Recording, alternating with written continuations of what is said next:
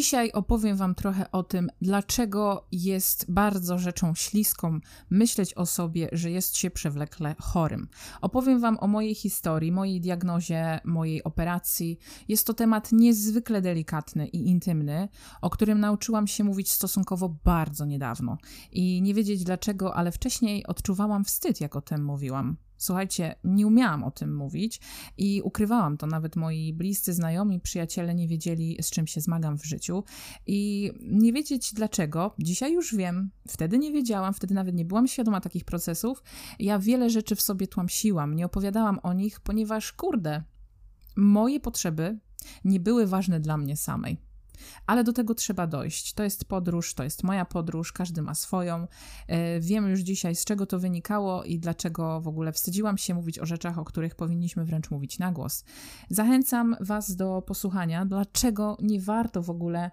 Mm, myśleć o sobie, że jest się chorym, dlaczego w ogóle warto wyrzucić ze swojego słownika słowo choroba i troszeczkę pozanudzam moją historią. Także jeżeli jesteście gotowi, zapraszam serdecznie. Od razu mówię, że jestem bardzo rozdygotana dzisiaj. E, w trakcie jestem detoksu nieustannie od kilku miesięcy, ale odczuwam dziś poddenerwowanie, wewnętrzną delirkę, więc prawdopodobnie będzie to wpływało na jakość odsłuchu. E, ale okej, okay. jest to bardzo intymny temat. Jest to coś chyba najintymniejszego, co może być u kobiety, ponieważ e, jest związane bezpośrednio z naszym poczuciem kobiecości, z tym, jak odbieramy własne ciało, własną również seksualność, jest to nawet związane przecież bardzo ściśle z naszym życiem seksualnym, z naszą płodnością, kobiecością. Także uprasza się słuchaczy o szacunek do tematu. Opowiem y, nie od początku, od, na tym się skupię później. Opowiem, y, dlaczego przede wszystkim nie uznaję słowa ja osobiście, choroba. Nie uznaję słowa choroba, tak, w moim życiu i w moim słowniku. Od dupki strony zacznijmy. Kiedy spotkałam się z kobietami e, o tej samej przypadłości co ja, gdzieś tam online, na jakichś różnych czatach, na jakichś różnych grupach wsparcia na Facebooku, to zauważyłam jeden wzorzec u tych kobiet, który powodował, że ja, będąc w tym środowisku, czułam się coraz gorzej. A mianowicie, rzecz jasna, forum traktuje o konkretnej jednostce chorobowej, więc mówimy nieustannie o tej jednostce chorobowej. No i wzajemnie próbujemy się wymienić różnymi sposobami, tak zwanymi alternatywnymi, tym jakie można zażywać suplementy, a jak zmienić dietę i tak dalej. I widzę, że te kobiety są niesamowicie emocjonalne. Widzę, że w nich wszystko krzyczy i błaga wręcz o pomoc, o zrozumienie. I, i ja doskonale to rozumiem. E, dlatego po pierwsze, że jest to pewnego rodzaju choroba, przypadłość, e, która niesamowicie wpływa na komfort życia, a której po nas nie widać. I w momencie, kiedy ktoś na was patrzy, patrzy na wasze życie i nie zna szczegółów, nie widzi was 24H, jak się czujecie, to może odnieść mylne wrażenie. I to jest bardzo bolesne. I dlatego podejrzewam, ja przez dłuższy czas nie chciałam mówić o sobie, dlatego że jakby z góry zakładałam, że ludzie nie będą mnie rozumieć. Ja mam taki akurat y, pattern, y, taki wzorzec mam, że kiedy źle się czuję, to zamykam się towarzysko, nie wychodzę do ludzi. Nie chcę ludzi innych obarczać swoimi problemami, bo jak gdyby, jeżeli was coś boli fizycznie, to nie ma na to rady. Musicie sobie dać z tym radę sami. Oczywiście fajnie by było mieć wsparcie najbliższych, ludzi, z którymi mieszkacie, bla, bla, bla, bla, bla, ale u mnie jest dodatkowo tak nieprzyjemnie, że na to wsparcie nie mogę liczyć, bo mieszkam sama, żyję sama, jakby mm, mam, mam flatmate'a tak zwanego i współlokatora, ale to nie jest tak, że mogę liczyć na rozumiejącego męża i tak dalej, i tak dalej. Mało tego, wydaje mi się, że w ogóle y, wsparcie rodziny jest tutaj niesamowicie ważne. Mnie się wydawało, że jak ja komuś nieustannie mówię i wysyłam komunikat, że a wtedy się źle czułam, a wtedy mnie bolało, a wtedy byłam zmęczona, a wtedy byłam niewyspana i tak dalej, to ludzie sobie budują pewnego rodzaju obraz na wasz temat. I jednocześnie ktoś może pomyśleć i będzie mieć w tym odrobinę racji, że wy się niejako za chorobą chowacie. I to jest bardzo śliski temat, ponieważ wy nieustannie mówiąc o tej chorobie i no nie sposób o niej mówić, kiedy was boli, wysyłacie do swojej podświadomości poprzez własne myśli oraz słowa bardzo ważne komunikaty, które was niejako programują. I teraz, jak ja się taplałam, że tak powiem, w tym towarzystwie kółków wzajemnej adoracji, e, zresztą bardzo ważnym miejscu wsparcia dla kobiet, i teraz tak może głupio to nazywam, ja się czułam coraz gorzej, dlatego że ja czułam się coraz bardziej chora.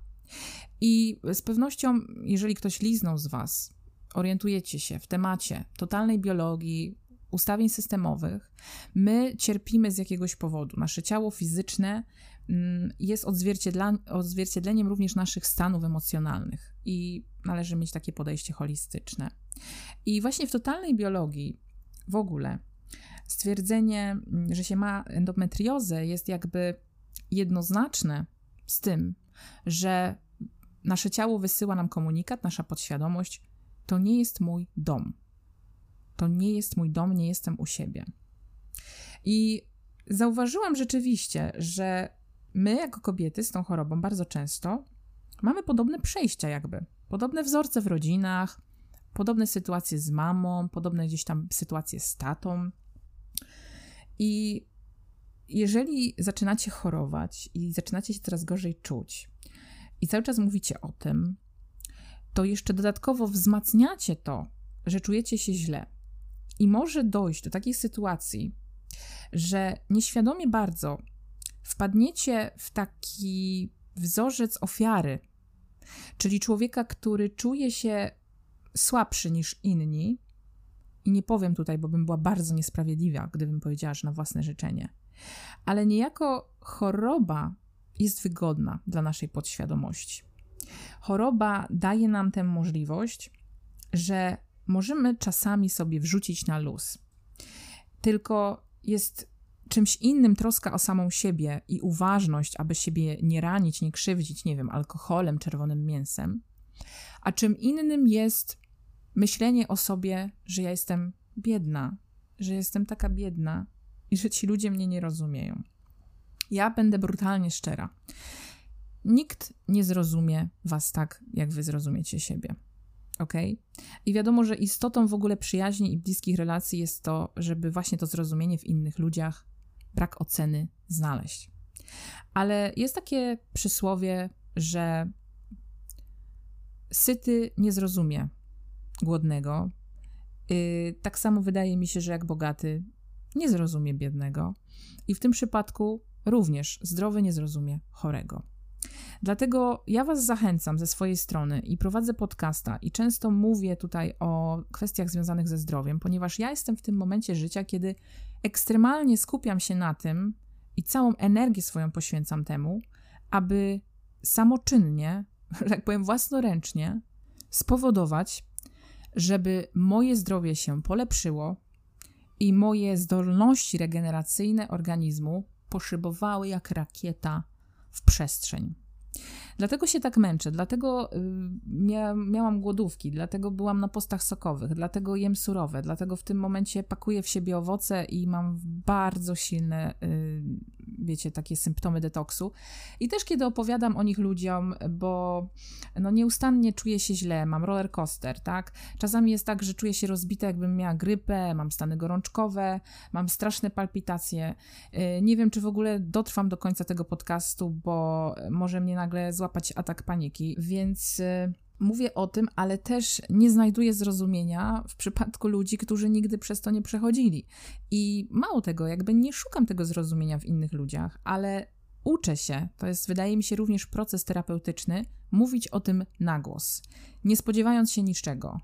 Jakby miejcie dla siebie bardzo zdrową sympatię i tolerancję dla waszych słabości nie ciśnijcie nie wiadomo jak, bo to jest dobrze pamiętać, że musimy na siebie uważać i być wobec siebie troskliwe, ale jednocześnie nie popadajmy w taką bardzo niezdrową pułapkę myślenia o sobie, że jest się chorym.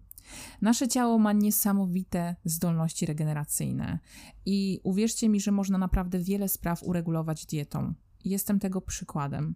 W momencie, kiedy teraz przez kilka miesięcy jestem na diecie surowej, zdecydowanie zmniejszyła się ilość środków przeciwbólowych, które biorę. I widzę realne w tym momencie takie wręcz cudotwórcze działanie tego procesu. Więc na co bym liczyła? Na to, że weźmiemy wszyscy odpowiedzialność za swoje zdrowie i nie będziemy, tak jak w polityce, szukać liderów, których nie potrzebujemy. Nie będziemy szukać ratunku w lekarzach i zawierzać im nasze własne zdrowie, dlatego że oni bardzo często przekłamuje dzisiaj rzeczywistość, w końcu jestem wymatriksowana, nie wiedzą jak nas prowadzić, nie wiedzą jak nam pomóc. Ja o tym się przekonałam bardzo wcześnie i tutaj będzie wstęp do mojej opowieści. Bardzo wcześnie dostałam miesiączkę. Miałam, słuchajcie, niespełna 10 lat.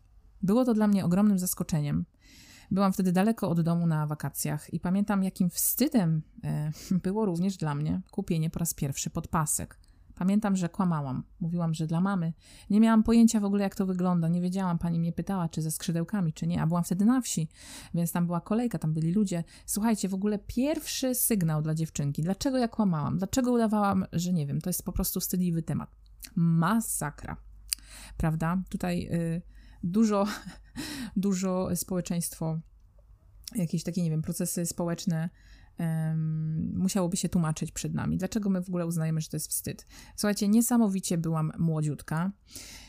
I e, wiadomo, że początkowo te miesiączki nie są takie regularne, więc one się pojawiały raz tak, raz, raz siak, ale już w wieku lat 14 regularnie miałam ekstremalne bóle.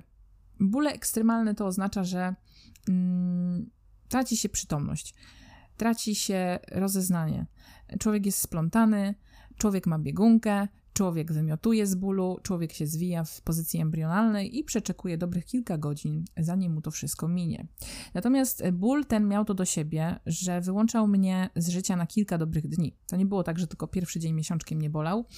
Bolały mnie pozostałe tak mniej więcej do czwartego, i w związku z tym, że było to takie wyczerpujące dla mojego organizmu, ja czułam się po prostu jak chora. Mnie miesiączka rozkładała.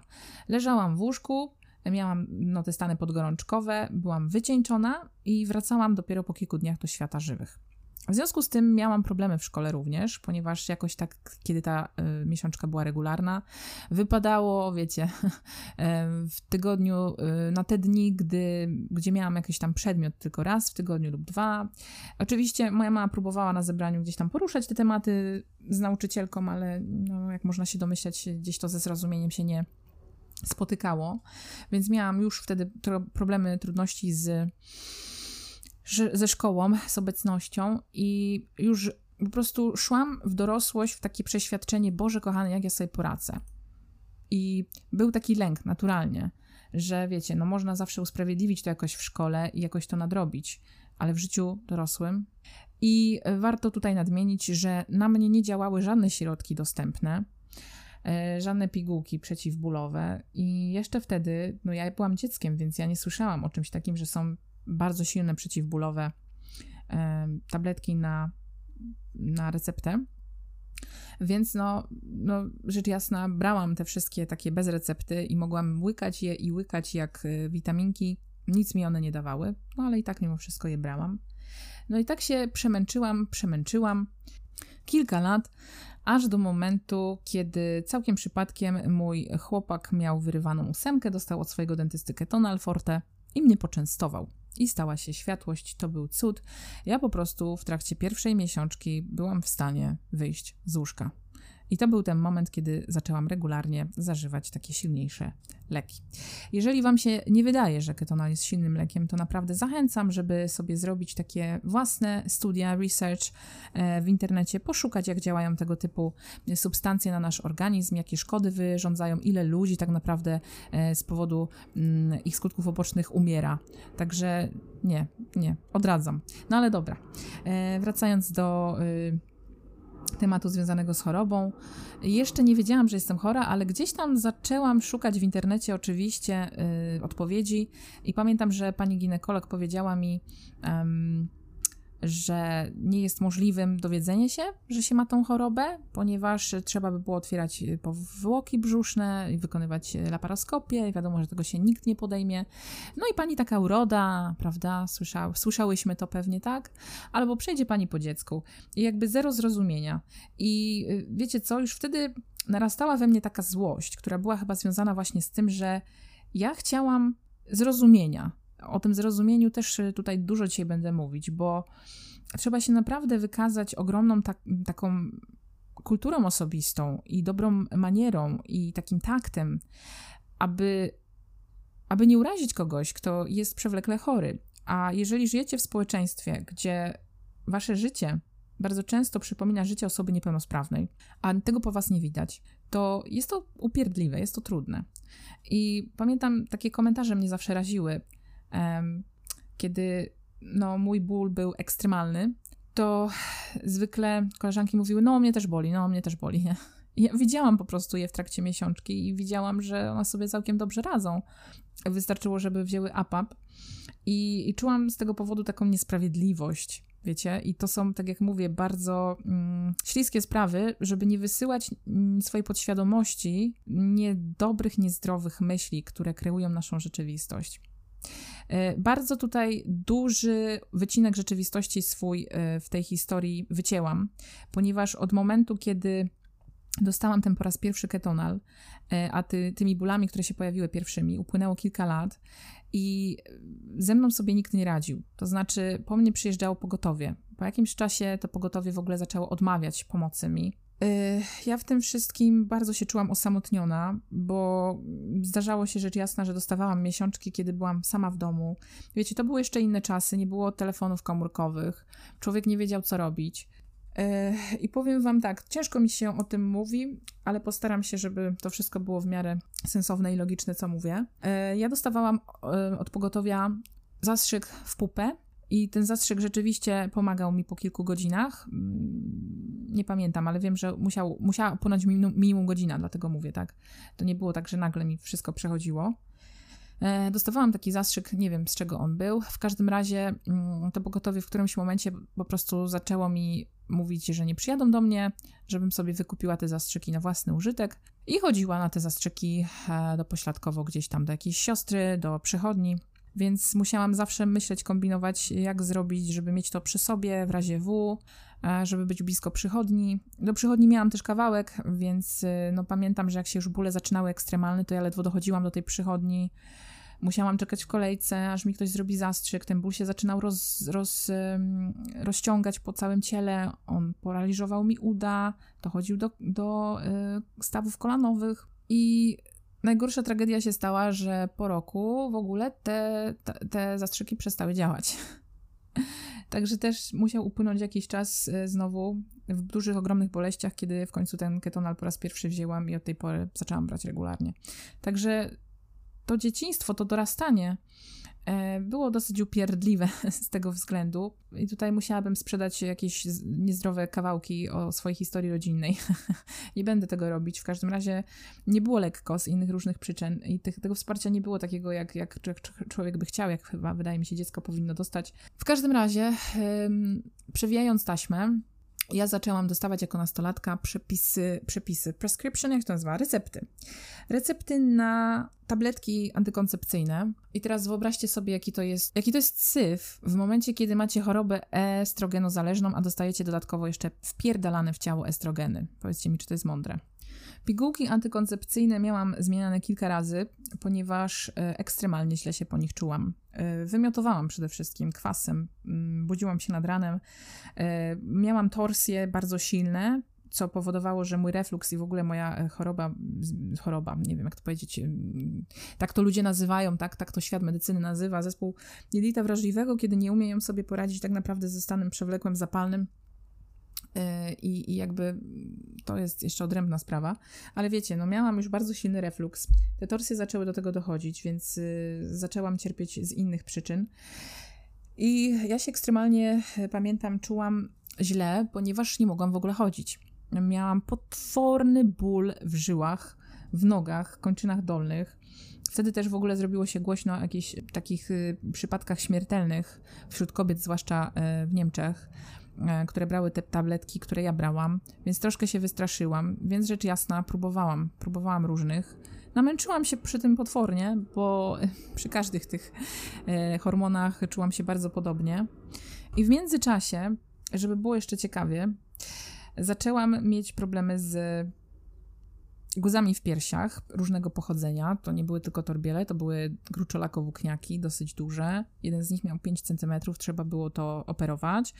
No i kiedy lekarz mój usłyszał, że biorę y, hormony, no to powiedział, mmm, czy można by było zrobić tak, żeby pani nie brała.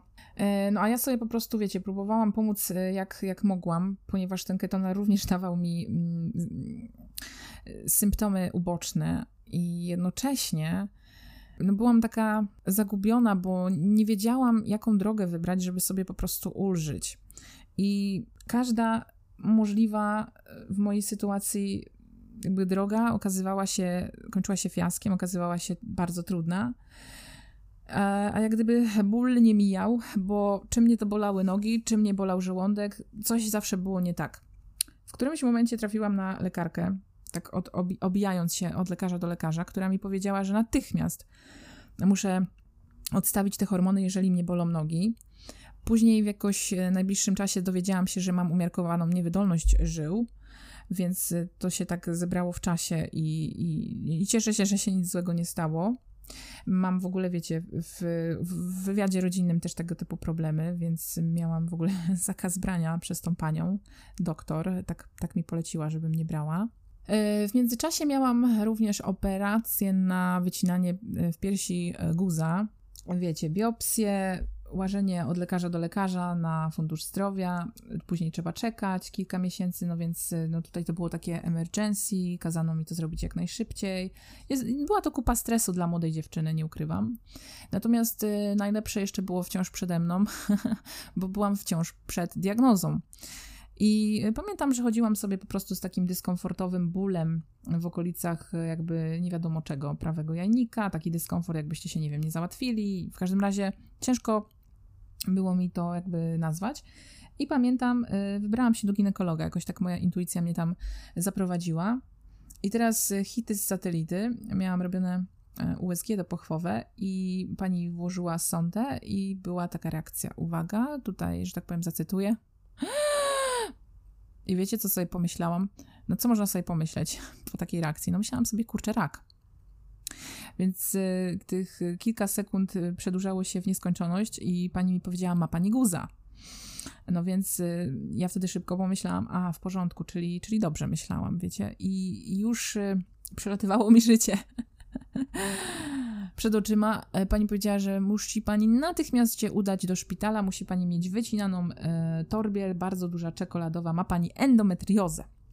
No i to była taka oficjalna diagnoza, którą trzeba było potwierdzić. I mówiąc w największym skrócie, szczęśliwie miałam wsparcie finansowe od mamy, mając te dwadzieścia kilka lat. E, poszłam do prywatnego szpitala, gdzie leczono w ogóle mm, niepłodność i zoperowano mnie z diagnozą y, taką silnym, silnym stopniem zaawansowania tej choroby, która zaatakowała różne inne y, obszary w miednicy mniejszej. I pamiętam e, słowa mojego lekarza, który, jeszcze chyba nie wyszłam wtedy ze szpitala, który mi powiedział e, po laparoskopii, będzie pani musiała teraz zajść w ciążę. Będę zalecał. I pamiętam, jakie to było dla mnie szokujące. I to był też taki niełatwy moment, bo akurat e, rozstawałam się ze swoim chłopakiem e, po ponad pięcioletnim y, związku, więc to było dla mnie bardzo trudne. I przy wizytach kontrolnych już e, powiedziałam lekarzowi, proszę tak do mnie nie mówić, bo życie jest życiem, zdrowie jest zdrowiem. Ja nie wiem, z kim miałabym to dziecko mieć, chyba z kotem. No ale y, pan parokrotnie powiedział bardzo wprost, że będzie problem kiedyś, że trzeba będzie myśleć o in vitro, że tak naprawdę nie wiemy tutaj, no rezerwę jajnikową y, mógł sprawdzić, ale, ale ja nie nalegałam, powiedziałam, że ta rezerwa się również wyczerpie przy sprawdzaniu jej, więc nie chciałam tego, nie byłam jakby przekonana do tego konkretnie. I jakby reasumując, byłam na progesteronie przez ponad rok, jakby byłam w sztucznym stanie menopauzy czy ciąży, jak się to mówi. E, a później oczywiście tradycyjnie mm, przepisano mi pigułki hormonalne, czyli znowu estrogeny. I pamiętam, jak pytałam mojego lekarza, czy, czy dałoby radę tak, że, że to, to można jakoś uregulować innymi metodami. Mówiłam mu o swoich przejściach z pigułkami, mówiłam mi, że na inne rzeczy e, cierpię. E, I lekarz powiedział, że nie ma mowy, że trzeba brać te pigułki. A kiedy zapytałam go, co mi grozi, jeżeli, jeżeli bym nie brała, no to usłyszałam, że yy, proszę pani, ekstremalne sytuacje są takie, że trzeba wycinać kawałek jelita grubego. Yy, pacjentki muszą mieć później worek stomijny. My takich operacji w Polsce nie robimy, tylko w Niemczech. One są bardzo drogie, bardzo ekstremalne i no nie ma innej opcji, po prostu póki co trzeba brać te hormony. Żeby było ciekawiej, żeby życie miało smaczek, w międzyczasie również na przestrzeni lat, bo to wszystko trwało, to leczenie początkowe po, po operacji było też e, przez rok, później te pigułki jeszcze brałam, jeszcze się słuchałam, że tak powiem. E, miałam wycinane znowu dwie zmiany w piersiach, dwa guzy, więc kole, kolejne dodatkowe stresy. I pamiętam, kiedy zaczęło mi się coś nie podobać w obrazie, jakby to wszystko mi nie pasowało, bo dodatkowo przez lata cierpiałam na bardzo poważny trądzik, bardzo silny i lekarze też nie byli w stanie mi pomóc. I wiecie, no, braliście leki, te leki powodowały skutki uboczne, i jakby miałam wrażenie, że dochodzę, nie dochodzę do rdzenia choroby. I kiedy pytałam mojego lekarza od piersi, od czego to jest, to on mówił, że prawdopodobnie od tych hormonów, które biorę i że jeżeli mam taką tendencję, to będzie to wracać. I mówię, panie doktorze, ale co to jest za leczenie w momencie, kiedy my nie działamy prewencyjnie, nie uregulujemy czegoś, co tutaj y, nam te guzy powoduje, tylko będziemy ciągle mnie ciąć. I słuchajcie, no już jako kobieta, jako kobieta, już taka młoda kobieta, bo to jednak, wiecie, jak się ma dwadzieścia kilka lat, myślę, że jeszcze do kobiety nam daleko, ale już powoli byłam na swoim, mieszkałam za granicą i pamiętam, odwiedziłam tego mojego lekarza od piersi i znowu coś u mnie znowu wykryto i zaczął mnie normalnie pan straszyć rakiem. Mówi, że ma takie przypadki, że kobiety y, zaniechają wycinania tych zmian. On już widział, że ja jestem bardzo sceptyczna. Y, powiedział mi, że w takim przypadku bardzo często pacjentki powracają, już mają zaawansowane stadium raka, i więc no niejako zostałam znowu postraszona, znowu wywołano we mnie strach i lęk, żebym tą zmianę po raz czwarty wycinała. Oczywiście moje piersi są, jakby nieustannie w różnych zmianach, mają w sobie cały czas, tylko chodzi mi o te największe, tak? Czyli mam zalecane, żeby po prostu ciąć te największe zmiany. Przepraszam, że mi się zagłamie głos, ale to nie jest łatwe. I pamiętam, e, że czułam się w tym wszystkim, w całej tej swojej podróży bardzo osamotniona. I było mi po prostu trudno, bo nieustannie ktoś we mnie wzbudzał strach. Pamiętam, jak moja lekarka już po leczeniu, kolejna znowu inna ginekolog, po leczeniu już po tej, po tej operacji, bo wiadomo, że próbowałam znaleźć jakiegoś lekarza, który będzie mi może w stanie pomóc jakimiś alternatywnymi metodami. Jeszcze się tak powiem, ku naturze nie skłaniałam.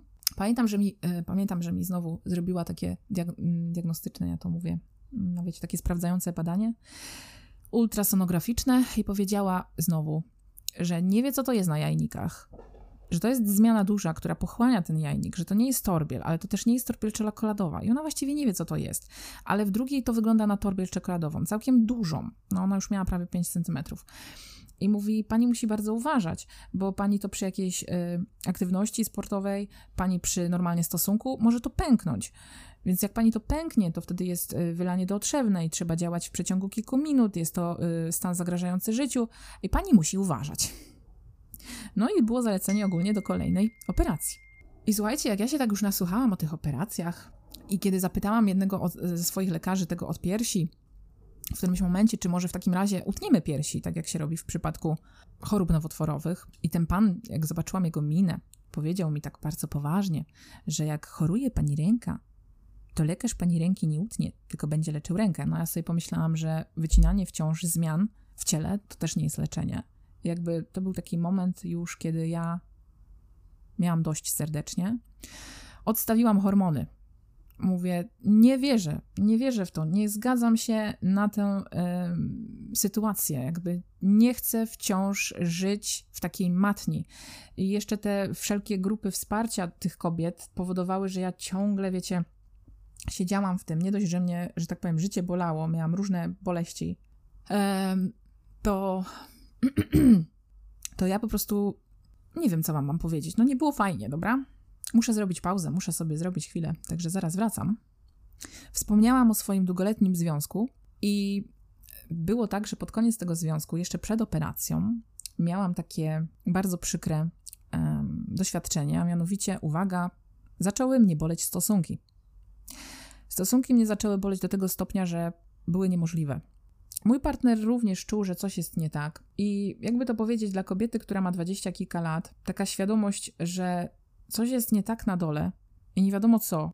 No wiecie co, czułam się jak trendowata. Jeszcze to było przed diagnozą. No i to bardzo wpłynęło w ogóle na moje samopoczucie, na to, jak ten związek dalej się poukładał. Ale stosunki nie były możliwe. I słuchajcie, żyłam sobie z taką nieświadomością, co ze mną jest nie tak. Bałam się w ogóle zbliżyć też jakby do, do kogokolwiek wtedy, bo wydawało mi się, że coś jest po prostu nie tak ze mną. No coś było, tylko nie wiedziałam co. I słuchajcie, już po tej diagnozie, kiedy wtedy byłam singlem przez długi czas, miałam taki problem, że nie wiedziałam, czy to rzeczywiście ten ból był spowodowany chorobą. I chciałam się o tym bardzo przekonać i nie miałam jak. Z racji tego, że nie jestem osobą, która skacze z kwiatka na kwiatek albo mam jakichś przypadkowych e, partnerów seksualnych, ja nie byłam wtedy w ogóle w żadnym związku. I tak sobie wymyśliłam z moim dobrym kolegą. Teraz go poprosiłam o przysługę. Mówię, słuchaj, kupimy dobre wino i ja cię po prostu poproszę. Czy ty mógłbyś wprowadzić we mnie swojego członka, żebym ja mogła się przekonać, czy to jest ból od mojej choroby, czy to minęło, czy to mi naprawiono, czy po operacji jest ok. No i powiem wam, że było to śmieszno straszne przeżycie. Nie doszło do niczego między nami z kolegą. Upiliśmy się i mieliśmy dobre śmiechy, chichy, ale ja wciąż byłam z problemem sama. Nie było możliwe po prostu odbycie stosunku. Nie potrafiłam tego zrobić. Byłam e, bardzo. Um, nie chciałam tak naprawdę tego stosunku, więc byłam bardzo jakby zamknięta w sobie, spięta ale bardzo się chciałam przekonać, czy, czy kolejny partner, z którym będę się spotykać, jakimś potencjalnym partnerem również seksualnym, czy będę znowu mieć powtórkę z rozrywki. Więc tak sobie żyłam we wstrzemięźliwości mm, przez y, długi czas, naprawdę bardzo długi, można już powiedzieć, że liczony w latach. I przyszedł taki moment, że pojawił się ktoś w moim życiu, że tak powiem, dopuściłam tego człowieka do siebie e, z ogromnym lękiem, i mówiąc w skrócie, było dobrze. E, było dobrze. Jeszcze to był ten moment, kiedy brałam leki hormonalne.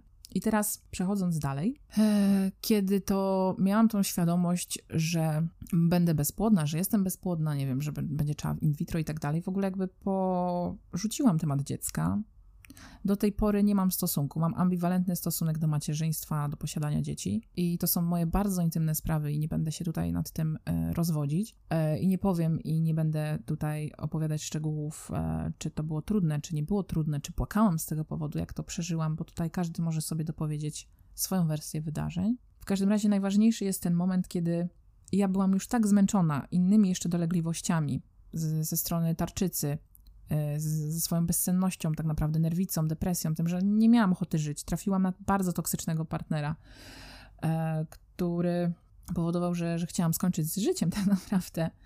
Śmieję się teraz e, nerwowo, chcąc siebie samą ochronić. Jakiś taki, nie wiem, mechanizm obronny, wybaczcie.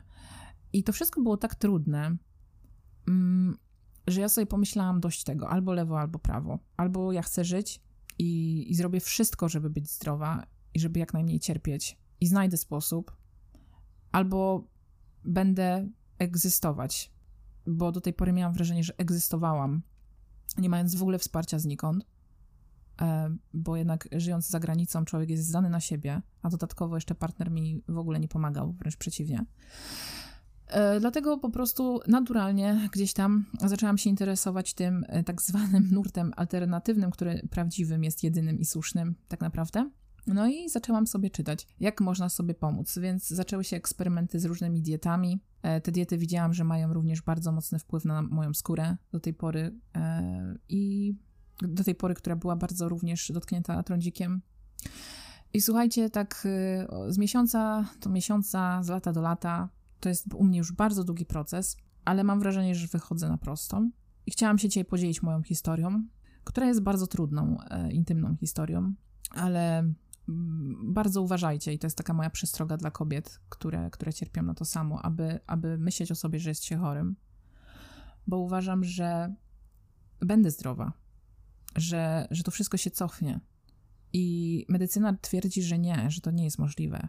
Moi lekarze, których przestałam już odwiedzać, oni nie wiedzą, że się nie leczę, że nie biorę hormonów. Póki co od dobrych kilku lat mam się dobrze. Zmiany są. Ja na siebie muszę troszkę chuchać, dmuchać i uważać. I nie, przemar nie przemarzać, nie wiem jak to powiedzieć, wiecie, uważać po prostu na pewne rejony. W każdym razie chciałam się podzielić e, tą swoją historią, żeby dać trochę Wam nadziei, e, bo to wszystko jest w naszych rękach. Tego typu choroba jest bardzo zależna od naszej diety. Ja nie będę opowiadać o szczegółach, bo to są już szczegóły związane z naszą fizjonomią. I myślę, że lepiej by było to zrobić obrazowo, być może na, nie wiem, jakimś kanale na YouTube, e, niekoniecznie na, na podcaście, żeby opowiedzieć, jak tak naprawdę z kolei u siebie widziałam ten proces ozdrowieńczy, jak on się obrazował u mnie. W każdym razie czuję się lżej, że powiedziałam o tym światu, y, także miało to na pewno jakiś wymiar autoterapeutyczny.